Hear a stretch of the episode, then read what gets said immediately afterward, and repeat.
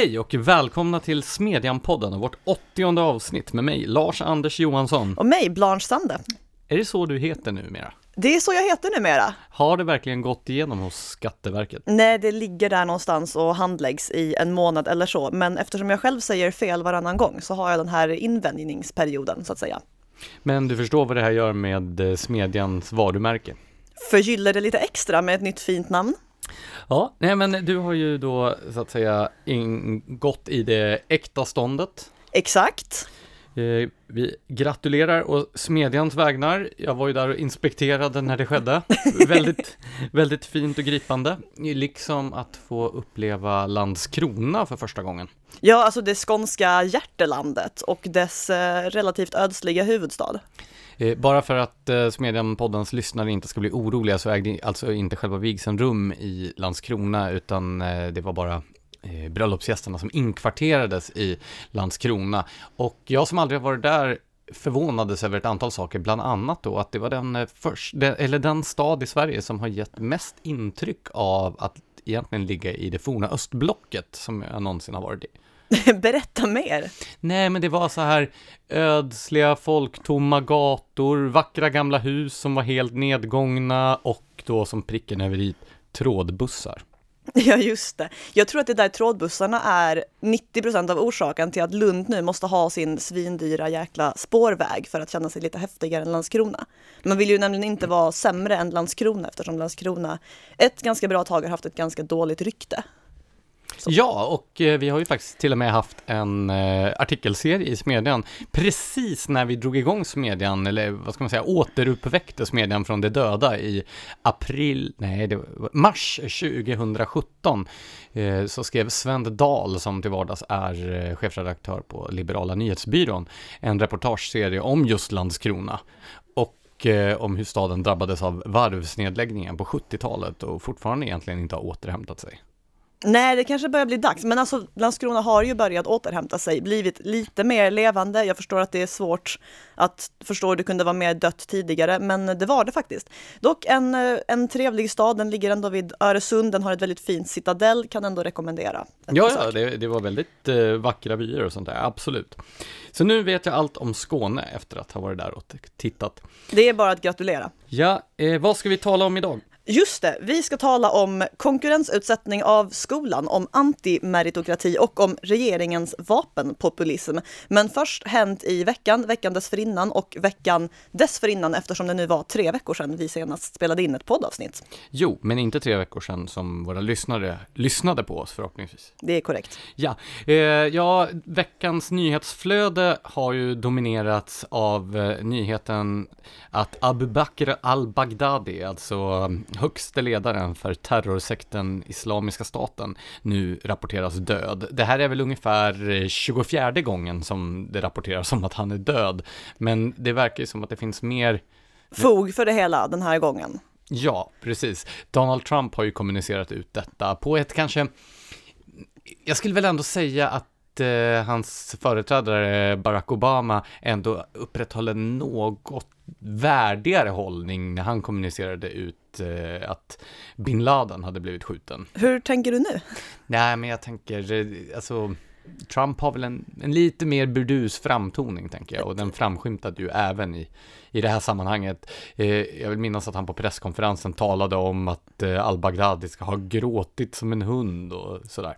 Jo, det är lite mer blommande än Obama hade uttryckt det, men frågan är, Tror du inte att den sortens retorik biter mer på den sortens människor som är med i IS? Enligt då de amerikanska rapporterna om detta så ska ju också al-Baghdadi ha blivit jagad ner i någon slags tunnel av just en hund som har förevisats då i, i media och eh, sen sprängt sig själv med en eh, självmordsväst tillsammans med flera av sina barn. Jag hoppas hunden klarade sig i alla fall. ja, det ska den ha gjort. Bra. Enligt vad jag har läst mig till. Så uh, al-Baghdadi verkar slutgiltigt ha, ha, ha dött. Eh, och i Storbritannien har vi sett någon slutgiltighet där.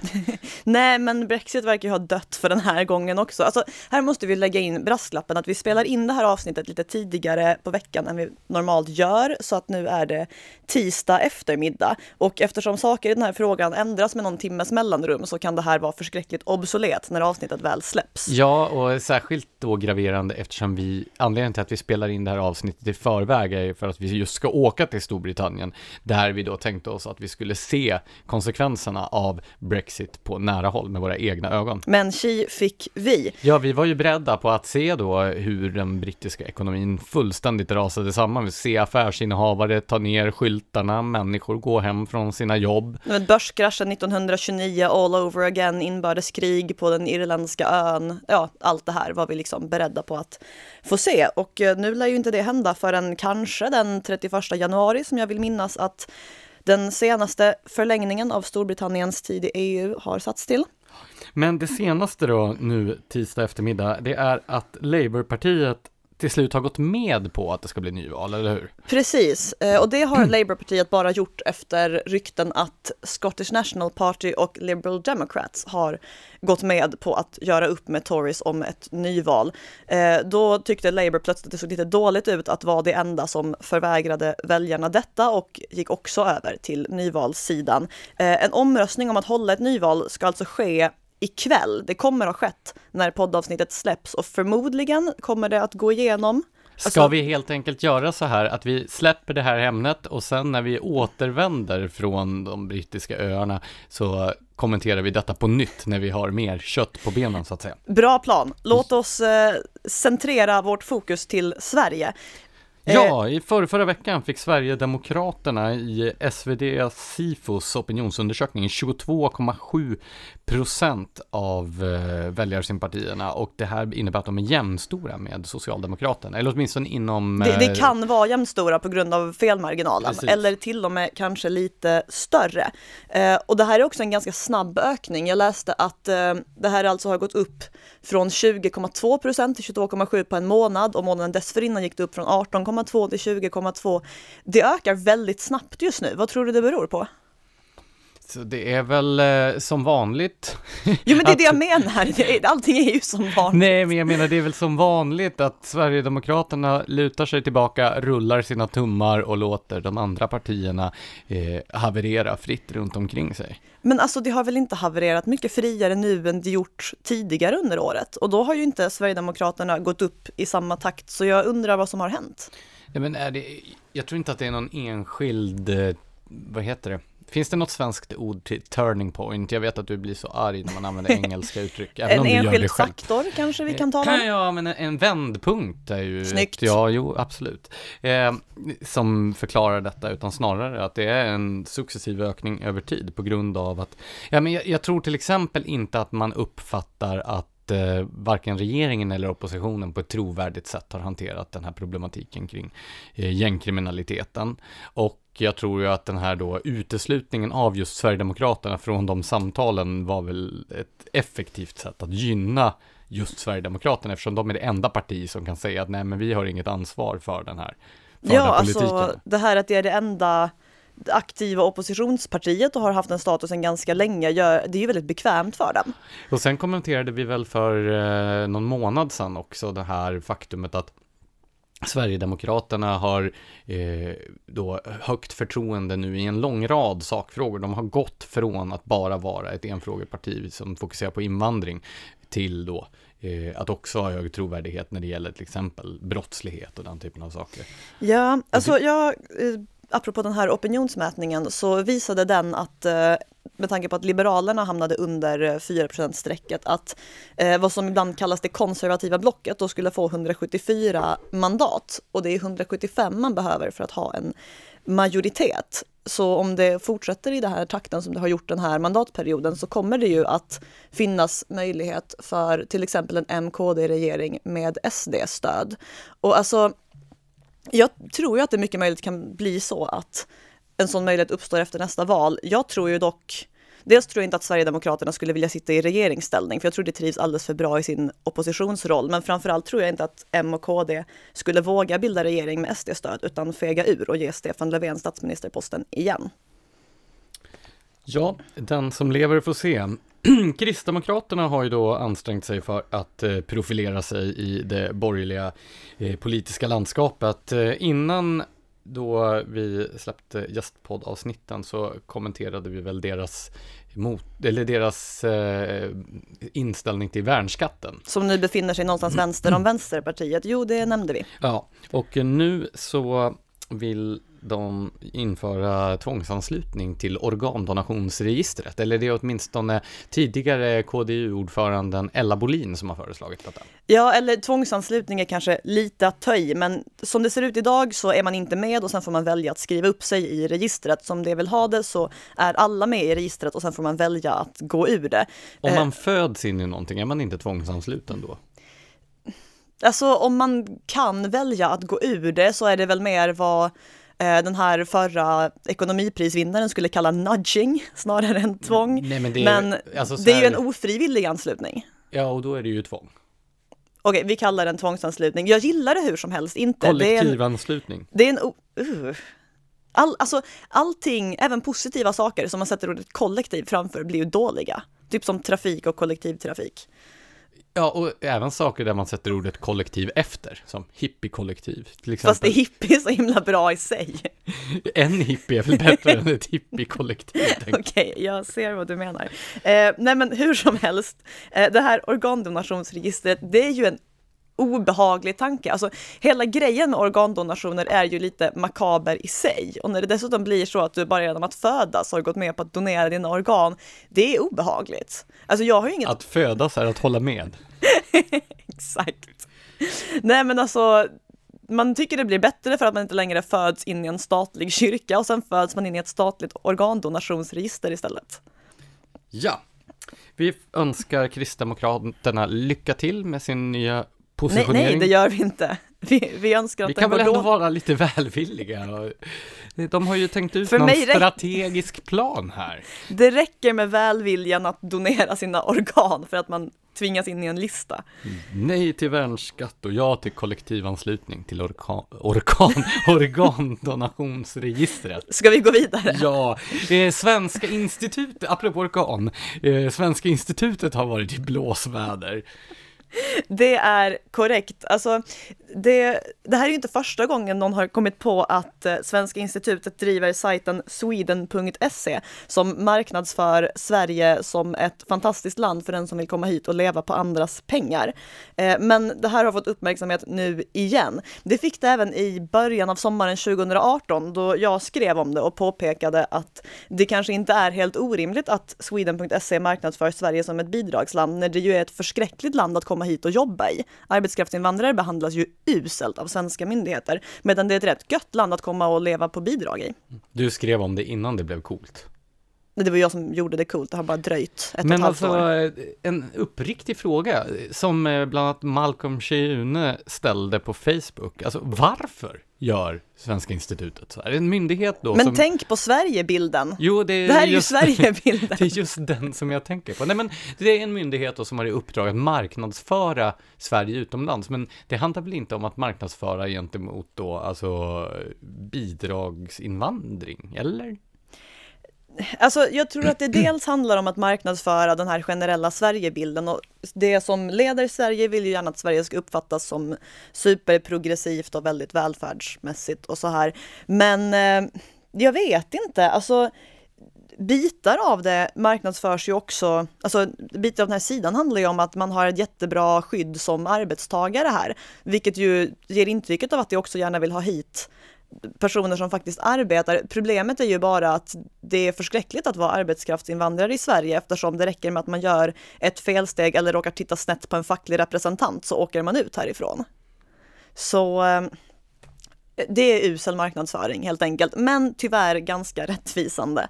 Eh, så problemet här är ju snarare hur Sverige funkar än hur bilden av det sen förmedlas. Det är liksom sekundärt. Och apropå hur Sverige funkar så har ju eh, liberala studenter gjort ett utspel också.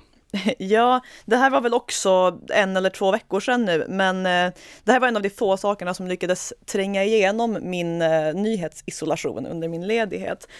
Det är då två representanter för liberala studenter som tycker att eh, det är ett problem att man tar in så många studenter eh, baserat på resultatet från högskoleprovet eftersom detta gynnar män.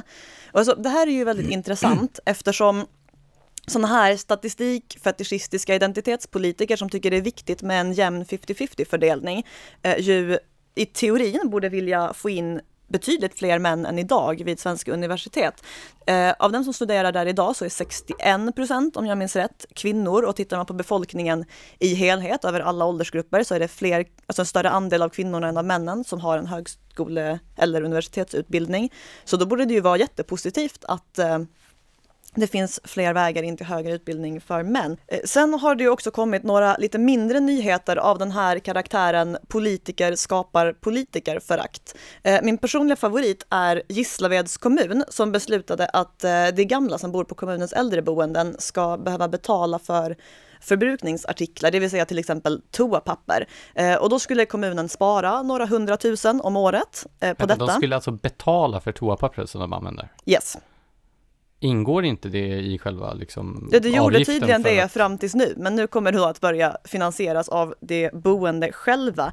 Eh, för ungefär motsvarande summa som på detta sättet kommunen sparade så åkte sen kommunpolitiker på eh, resor till Bryssel och till Almedalen där de bokade en ruin för 60 000 kronor och den sortens saker. Alltså det är på grund av sånt här. Just en ruin kändes det som en väldigt bra symbol i sammanhanget. nej, men alltså, jo, nej men det är den här sortens saker som får folk här och där i landet att känna ett visst politikerförakt och uppleva att politiker inte alltid agerar i sina väljares bästa intressen.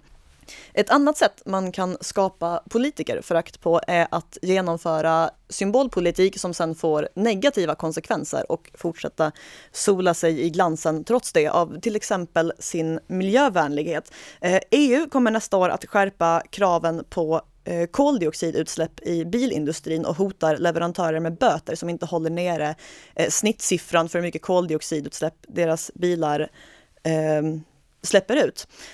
Eh, det här har fått konsekvensen att importörer av elbilar och laddhybrider har slutat leverera dem. Detta beror på att de vill kunna leverera dem efter årsskiftet istället och dra ner på det här snittet och komma undan böter. Så att bilar som hade kunnat rulla på våra gator nu och inte förbruka till exempel fossila bränslen, eh, inte gör det på grund av symbolpolitik. Alltså det här är så typiskt för när politiker ska försöka åtgärda problem med olika typer av så straff och böter och lösningar och sen så agerar ju alla andra i samhället efter en sorts minsta motståndets lag, där man bara gör så lite man kan för att komma undan de här olika typerna av politiska straff. Och i det här fallet är det att bara sluta leverera bilarna fram till årsskiftet och jag blir så trött av den här sortens politik.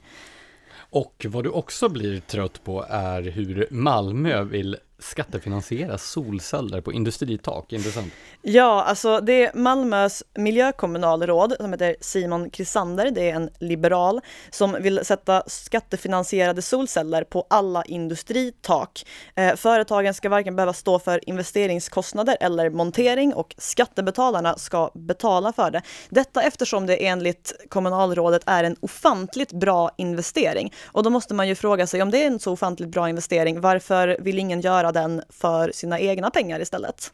Det här leder mig osökt till eh, den här artikeln som Agnes Karnat skrev i Smedjan tidigare om hur då investeringsstödet till solceller leder till att människor inte investerar i solceller eftersom stödet inte räcker till alla som vill då investera i solceller och då underlåter man att göra det eftersom man vill då ha en chans nästa år istället. Och så blir det så här hela tiden att en stor grupp av de som tänkt skaffa solceller på sina villatak eller sommarstugor inte gör det för att de inte har fått de här bidragen. alltså det här är så typiskt. Eh, så eh, det här kanske inte liksom bidrar lika konkret till det politikerföraktet jag nämnde, men alltså lägg ner symbolpolitiken, den gör skada. Eh, och med de orden ska vi nämna några artiklar som publicerats i Smedjan medien i veckan. Ja, precis, eller de gångna veckorna får vi säga. Det får bli en, eh, ett sammandrag då eftersom det är tre veckor sedan vi satt här senast. Eh, vi har ju en serie nu artiklar om konservatism på ingång som eh, Fredrik Hultman, eh, han har publicerat den första och sen är det ett par som väntas komma under kommande veckor. Fredrik Hultman är alltså projektanställd på Timbro som projektledare för då ett projekt om, hur många gånger sa jag projekt nu? Det blev väldigt många projekt. jag tappade räkningen ja, tyvärr. Men det men... handlar i alla fall om frihetlig konservatism och inom ramen för detta så kommer han att skriva då en serie essäer den första som är mycket läsvärd eh, handlar om olika former av konservatism och då eh, hur problematiskt det är att tala om ett enhetligt konservativt block eftersom då Hultman menar att de här olika formerna av konservatism är helt olika idétraditioner som delvis står emot varandra. Ja, sen har Anders Jonsson, en återkommande Smedjan-favorit, skrivit en essä om året 1989 och hur det var som ett upp och nervänt 1968. Alltså 68 var ju någon sorts högtidsår för vänstern medan 89 var lite av ett motsvarande år för högern men av någon anledning får väldigt mycket mindre uppmärksamhet. Bra essä. Och sen har Gustav Fritzson skrivit en artikel med den fantastiska rubriken Värna den tunga industrin för klimatets skull. Och apropå symbolpolitik då, så handlar den om hur svenska miljöregler gör att svenska industriföretag inte kan konkurrera på den internationella marknaden, vilket gör att industritillverkningen flyttar utomlands och det här leder då till ökade utsläpp eftersom då de länder som man flyttar till har då en mycket smutsigare industri än den industri som fanns i Sverige. Men alltså ibland undrar man så här, är det helt oförmögna att se det här komma? Eller ser det det komma och bara skitsamma för jag kommer att plocka miljöpoäng på det här? Jag tror själv att du vet svaret på den frågan. Jo, det gör jag förmodligen. Ska vi komma in på konkurrensutsättningen av skolan som du har skrivit en text om? Precis, eller som jag kallade den i artikeln i Smedjan, det behövs fler vägar till bildning och kunskap. Det vill säga, eh, den här likriktningstendensen som finns i den svenska skoldebatten är någonting väldigt oroväckande och jag menar att man riskerar att göra ont värre. Det är uppenbarligen så att den svenska skolan i många avseenden är i kris och att det behöver göras saker på politisk väg, men nästan alla politiska förslag som presenteras från höger till vänster handlar om att det ska likriktas mer och mer. Vilken typ av förslag tänker du då på? Alltså, det finns den här generaliserande kritiken mot konfessionella friskolor till exempel, där man då tar några få exempel på skolor som inte har skött sitt uppdrag och dömer ut alla andra också ja, baserat på det. Ja, även det är om de är kanske till och med bättre i snitt än skolor i allmänhet. Ehm, vi har ehm, det här exemplet som ehm, du tog upp om eh, hur liberala studenter vill avskaffa högskoleprovet eftersom det då anses missgynna kvinnor. Eh, det är också då ett exempel på hur man kan argumentera för att stänga en alternativ väg. Högskoleprovet är ju ett sätt att komma in på eh, högre utbildning eh, om man inte har särskilt bra betyg från gymnasiet. Ett annat sätt att eh, ta sig runt Eh, det är ju att då läsa igen sina gymnasiebetyg på komvux eller att gå på folkhögskola till exempel. Det är ju eh, en slags andra chansen för människor som kanske inte passade gymnasieskolan eller vantrivdes eller ja, det finns ju många olika anledningar. Alla system passar inte för alla individer. Ja, alltså problemet med betyg är ju också att dels så inkluderar det samlande betyget en massa saker som inte är relevanta för utbildningen man ska gå, typ hur bra man var på idrott och bild. Eh, och dels, alltså lärare har ju favoriter, åtminstone en del av dem, vare sig de vill det eller inte, och bedömer liksom ovidkommande saker som hur bra man är på grupparbeten. Så det är klart att det behövs alternativ och högskoleprovet är ju jättebra som mäter vad man faktiskt kan. Och när det gäller den här likriktningstendensen så är ju både de borgerliga och vänsterpartierna lika goda kålsupare. Alliansregeringen vidtog ju en del åtgärder som var just i den här likriktningstendensen. Införandet av kärnämnen var ju ett sånt till exempel, att alla skulle ha i princip samma utbildning med sig.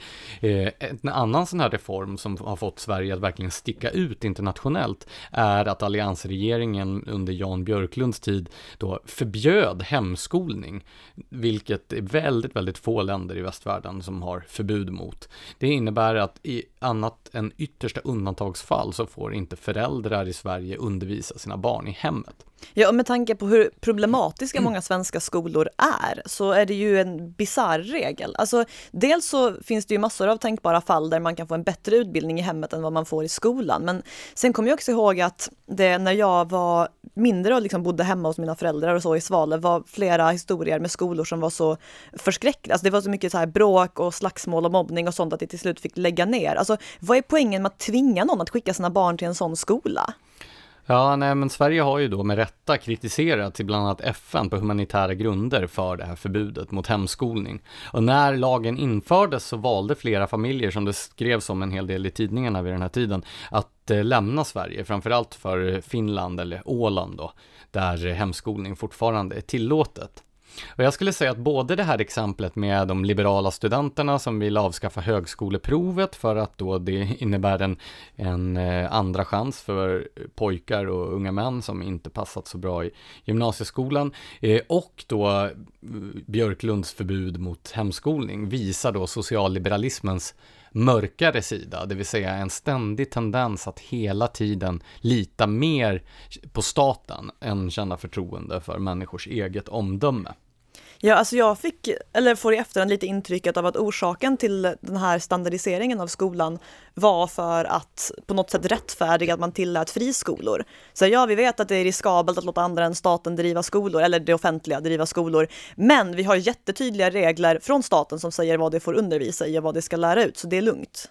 En ironi i sammanhanget är ju då att Finland, dit många valde att flytta när man förbjöd hemskolning i Sverige, presterar ju bättre på i princip alla punkter när det gäller skolan än vad Sverige gör. Och i Finland så har man inte ens skolplikt, det som svenska politiker alltid slår sig för bröstet om. Men skolplikt är ju en eh, ganska unik företeelse.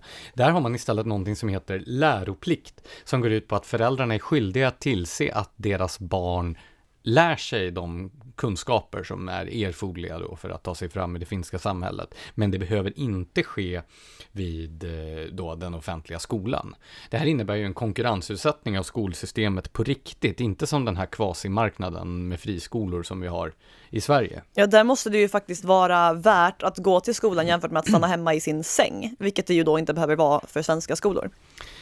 Ett ännu frihetligare system är ju det som jag har argumenterat för i Smedjan tidigare, att man skulle ersätta betygen helt och hållet av kunskapsprov, alltså antagningsprov till det högre systemet. Alltså att för att komma in på eh, högstadiet från mellanstadiet till exempel så ska man klara ett antagningsprov som högstadiet då själva utformar. Och då blir det upp till de lägre stadierna att se till att de elever som lämnar har de erforderliga kunskaperna. Samma sak då när man lämnar grundskolan, då gör man ett antagningsprov som gymnasieskolan, oberoende av grundskolan, sätter samman. Och då är grundskolans uppgift helt enkelt att förbereda eleverna för det här kunskapsprovet. Ja, det kan ju då vara olika prov på olika gymnasielinjer, antar jag då. Ja, Eftersom man inte behöver samma saker för att gå natur som för att gå naturbruk. Och samma sak sen naturligtvis för den högre utbildningen, att det ska vara universiteten och högskolorna som bestämmer vad som krävs för att man ska komma in där.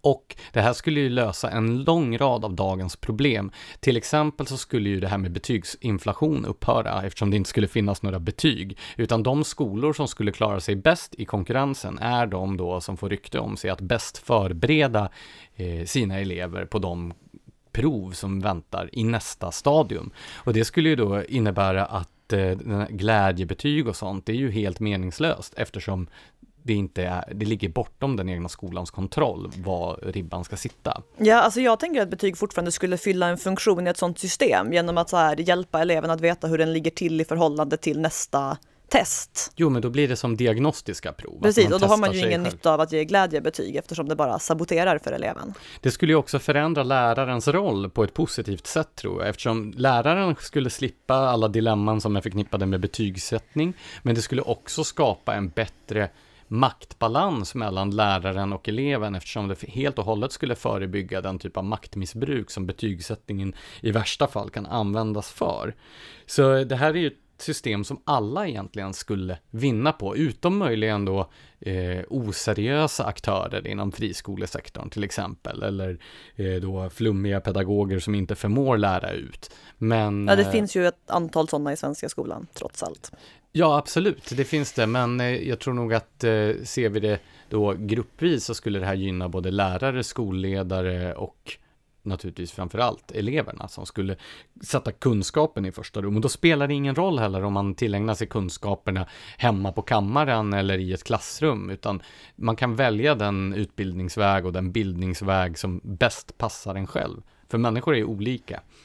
Det är ett jättebra förslag som jag misstänker aldrig kommer att genomföras i Sverige. Sluta vara så optimistisk Blanche. Jag anstränger mig verkligen, men ibland bara glimtar det till. Så låt oss gå in på ditt ämne som du kallat Sluta spegla samhället. Vem riktar sig denna uppmaning till? Alltså, så många oanade företag och myndigheter. Alltså, den här artikeln började jag ruva på för ungefär ett halvår sedan när jag var på en frukostkonferens. Jag älskar frukostkonferenser eftersom det ger en bra chans till en second breakfast, men men jag var inte primärt där för det faktiskt, utan för att höra en representant för ett teknikkonsultföretag berätta om detta företags strävan att få in fler kvinnor.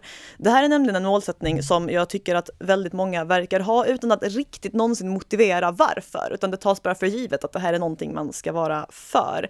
Men den här teknikkonsulten gav faktiskt någon form av motivering till varför det här var så viktigt för hennes företag. Först kom hon med något så här lite vagt särart feministiskt perspektiv om att kvinnor ju bidrar med andra perspektiv än män. Eh, och sen så drog hon också till med att så här, sen har vi ju också ett ansvar att spegla samhället. Och frågan är, så här, vi har ett teknikkonsultföretag som förmodligen ingen utanför branschen känner till och vars könsbalans vi inte vet någonting om överhuvudtaget. Varför känner det ett ansvar mot samhället att ha samma andel kvinnor och män som resten av samhället har? Det är ju en, det är ett märkligt resonemang. Och sen dess har jag sett den här formuleringen på alla möjliga jättemärkliga ställen. Eh, och sen har jag googlat lite och hittat det på ännu konstigare ställen. Eh, och de här orimliga ställena inkluderar då till exempel eh, hockeyklubben Västerås IK som ser det som sin uppgift att spegla mångfalden i det svenska samhället. Eh, Polismyndigheten är väl en lågt hängande frukt eftersom den ju aktivt kvoterar in kvinnor, eh, men med hjälp av antagningskraven på sin utbildning. Men den är i alla fall glad att jämställdhetsintegreringen hjälper den i sitt viktiga uppdrag för samhället, nämligen att spegla det. Eh, Volvo menar att en jämn könsfördelning är en del av det samhällsansvar. Eh, formuleringen finns i Nordic Choice Hotels etiska riktlinjer, alltså Försvarsmakten, Swedbank. Försvarsmakten börjar väl i och för sig eh, spegla samhället mer och mer med tanke på hur många människor med vapen som springer runt på gator och torg nu. Nej, det är samhället som har börjat spegla Försvarsmakten. Ja, så är det. eh, ja. Um, vad heter det, nej men alltså, den här listan fortsätter, den kan göras hur lång som helst. Alltså Ikea menar att den måste spegla sina kunder, vilket ändå är snäppet rimligare att spegla hela samhället, men fortfarande. Systembolaget hade en rekryteringskampanj som var riktad mot personer med annan kulturell bakgrund än svensk, som motiverades just med att Systembolaget inte bara ska hindra hela samhället från att köpa öl på bekväma tider, utan även spegla det. Eh, bokförlaget Penguin, det här har jag skrivit om tidigare i Smedjan, men det har ju gått ännu längre och kvoterar av just det här speglingsskälet, både författare och anställda baserat på kön, etnicitet, sexuell läggning, funktionshinder och för säkerhets skull även klasstillhörighet. Så att verkligen speglingen ska bli så komplett som möjligt. Eh, men min personliga favorit är... Alltså det är ju väldigt ambitiöst, förlåt att jag avbröt det här, men jag tänker på det här med klasstillhörighet, eftersom klass är ju en fråga som diskuteras nu på ganska avancerad akademisk nivå. Hur ska man definiera olika klasser? Men de har alltså på Penguin en, de har gjort en analys. Nej men det har en liten blankett, om jag minns rätt, där man kryssar i vad man har för sexuell läggning och eventuella funktionshinder och då får man väl själv definiera sig klassmässigt också, tänker jag. Fascinerande. Ja, verkligen. Men som sagt, min personliga favorit i sammanhanget är en chef på byggföretaget Peab som menar att byggbranschen kommer att dö ut om den misslyckas med att spegla samhället. Det kommer alltså inte att finnas någon efterfrågan på att bygga saker om inte det som bygger det har samma könsfördelning som resten av samhället, utan byggbranschen kommer att dö. Det här är Alltså det är ju bisarrt. Det är riktigt bisarrt. Det finns en välvillig tolkning av de här resonemangen eh, eftersom jag ju alltid anstränger mig för att se mina ideologiska motståndares bästa intentioner.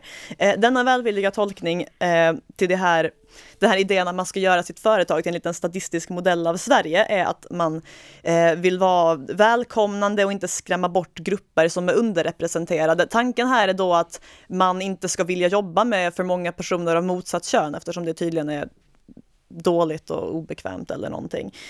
Eh, det är ungefär så Peab resonerar, får man ändå säga till dess försvar. Tanken är att tjejer och vad den här chefen kallar moderna män inte vill jobba bland rasism, sexism och macho kultur. Tyvärr är ju det här begrepp som har urvattnats så totalt att det lika gärna kan innebära att man ibland drar ett skämt. Men vem vet, det kanske faktiskt finns riktig rasism och sexism där.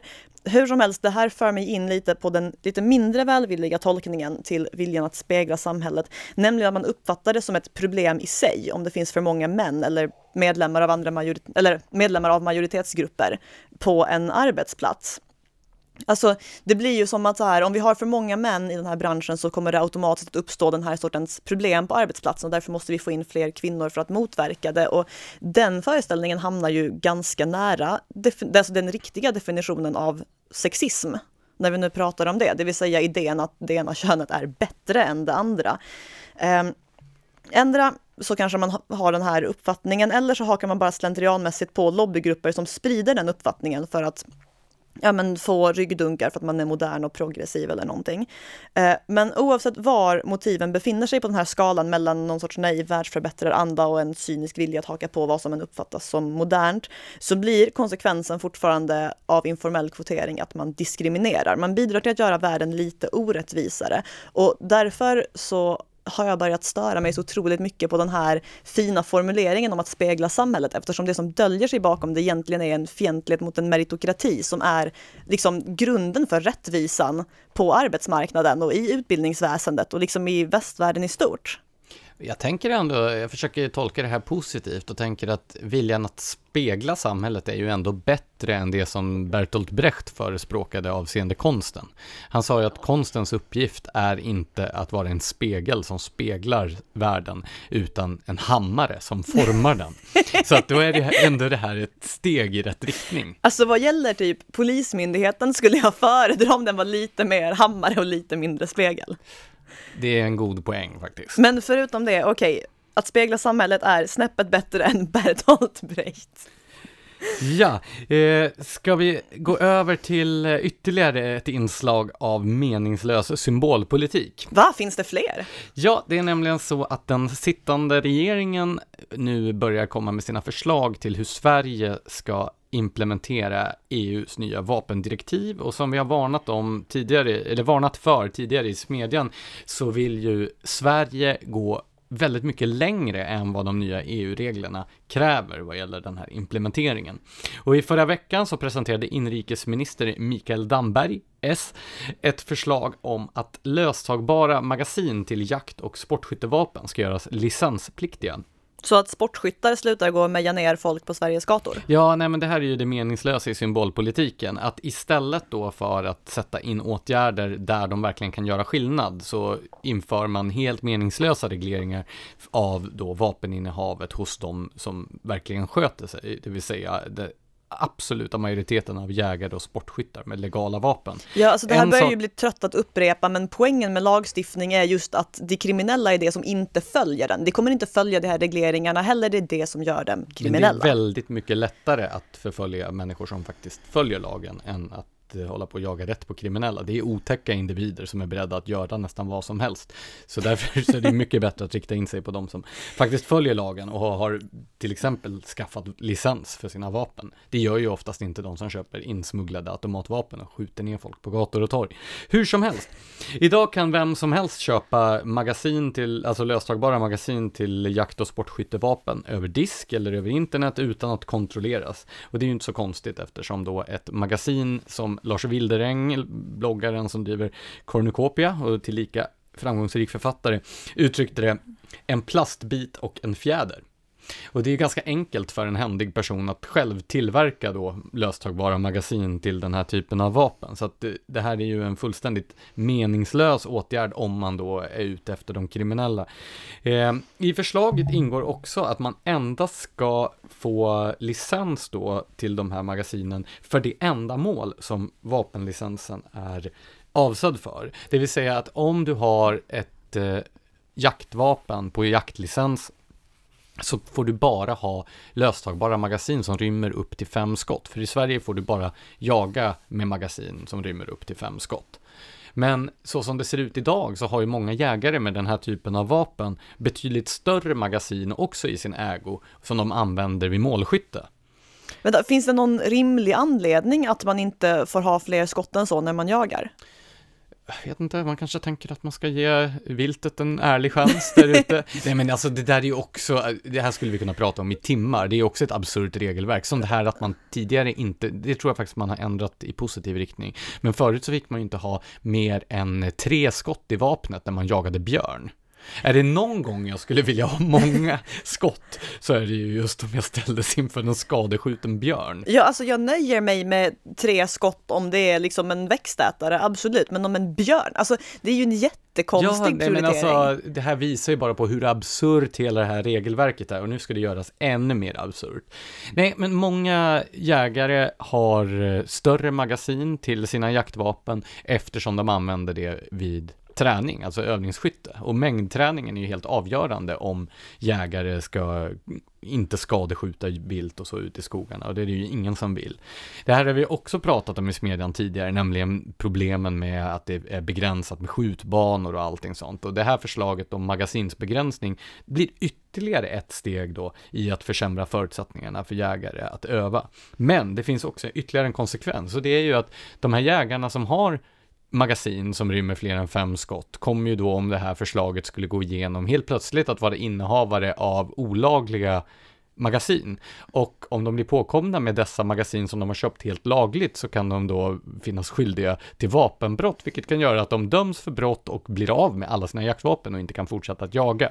Så det är ju en fullständigt hårresande konsekvens av en åtgärd som inte fyller någon som helst funktion.